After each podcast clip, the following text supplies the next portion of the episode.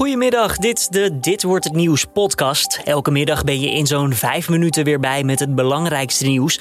Met vanmiddag, buitenlandse zaken schaalt meer landen terug naar code geel. Aantal coronabesmettingen daalt rap door. En grote internationale actie tegen drugsmafia. Mijn naam is Julian Dom, het is vandaag dinsdag 8 juni. En dit is de Nu.nl Dit wordt het nieuws middagpodcast. We kunnen weer op vakantie naar Duitsland, Oostenrijk en naar een deel van Italië. Het reisadvies gaat namelijk vanaf eind deze week weer op geel, dat schrijft de Telegraaf. Het zuidelijke deel van Italië blijft nog op oranje. Code geel betekent trouwens dat niet noodzakelijke reizen dus weer mogen en je geen negatieve coronatest hoeft te laten zien als je terugkomt en ook niet meer in quarantaine hoeft.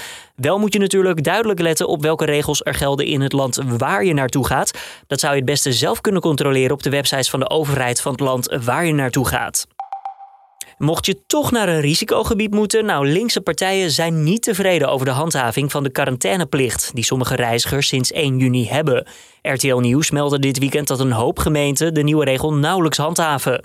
Volgens coronaminister De Jonge moeten gemeenten de handhaving even op orde krijgen. Vanaf morgen is het ook daadwerkelijk ingeregeld dat uh, een BOA op de stoep kan staan om op grond van het niet naleven van een quarantaineplicht ook een boete uh, uit te delen. Kortom, ik denk juist dat de handhaving behoorlijk snel is ingericht. Voordat de quarantaineplicht er was, gold voor sommige landen een vliegverbod om het coronavirus buiten de deur te houden. En het aantal besmettingen blijft in rap tempo dalen. Dat blijkt uit cijfers van het RIVM. De afgelopen week zijn er 30% minder positieve testen geregistreerd dan de week daarvoor.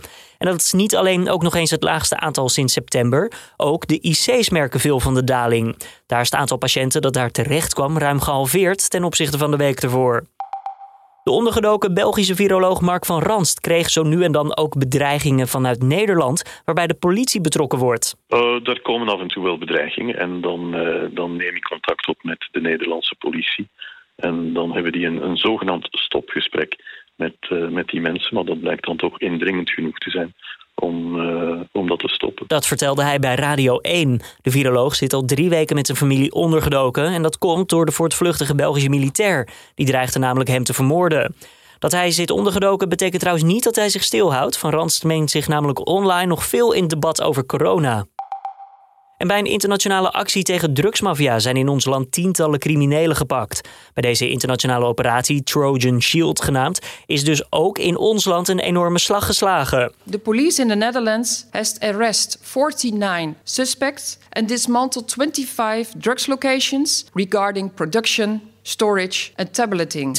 2,3 miljoen euro is in beslag genomen. De FBI leidde deze operatie in 12 landen en het resultaat was enorm. More than 800 arrests, more than 700 locations searched, more than 8 tons of cocaine and more. De criminelen dachten dat ze niet te kraken cryptotelefoons in handen hadden, maar die waren dus stiekem van de politie, Europol en de FBI. Veel kijkers van de persconferentie vanochtend gaven aan dat ze hopen dat Netflix een serie over de operatie of misschien wel film zal maken. En dan het weer van Weerplaza. Zonnig buiten, landinwaarts. Wat stapelwolken. Het blijft droog. Temperaturen vandaag gehad van 19 tot 25 graden in het zuiden. Vannacht dan kans op bewolking en wat mist. Morgen wederom zonnig en ietsjes warmer dan vandaag. En opmerkelijk, ja, een opvallend momentje in de bekerfinale vrouwen tussen ADO Den Haag en PSV afgelopen weekend. Voetbalster Jeannette van Belen kreeg kramp en in de dugout pakte ze vervolgens een pot augurken. En die dronk ze tot veel verbazing helemaal leeg. Die kende ik nog niet. Ik, ik, ik hou er niet heel erg van, laat ik het zo zeggen. Ik zou bijna gaan denken dat, dat ze zwanger is, maar ja, die, dat soort dingen zat er ook aan te denken. Nee, ik denk, ik zeg helemaal niks. Ik heb dit inderdaad nog nooit gezien tijdens een voetbalwedstrijd. Editie NL heeft daar nog eventjes gebeld en gevraagd hoe dat nou zat. Nou, de fysio van ADO die had ergens online gelezen dat augurkensap zou helpen tegen kramp. Vandaar. Een voedingswetenschapper bij RTL zegt dat er geen bewijs voor is. Maar ja, de kramp van Jeannette was wel weg. En dit was hem dan weer, de Dit Wordt Het Nieuws podcast van deze dinsdagmiddag 8 juni. Tips of feedback zijn altijd welkom. Kan je even sturen naar het bekende adres podcast.nu.nl. Mijn naam is Julian Dom. Ik wens je voor nu een fijne avond. En morgenochtend is hier weer mijn collega Carne van der Brink om 6 uur ochtends met het nieuws van dan op nu.nl.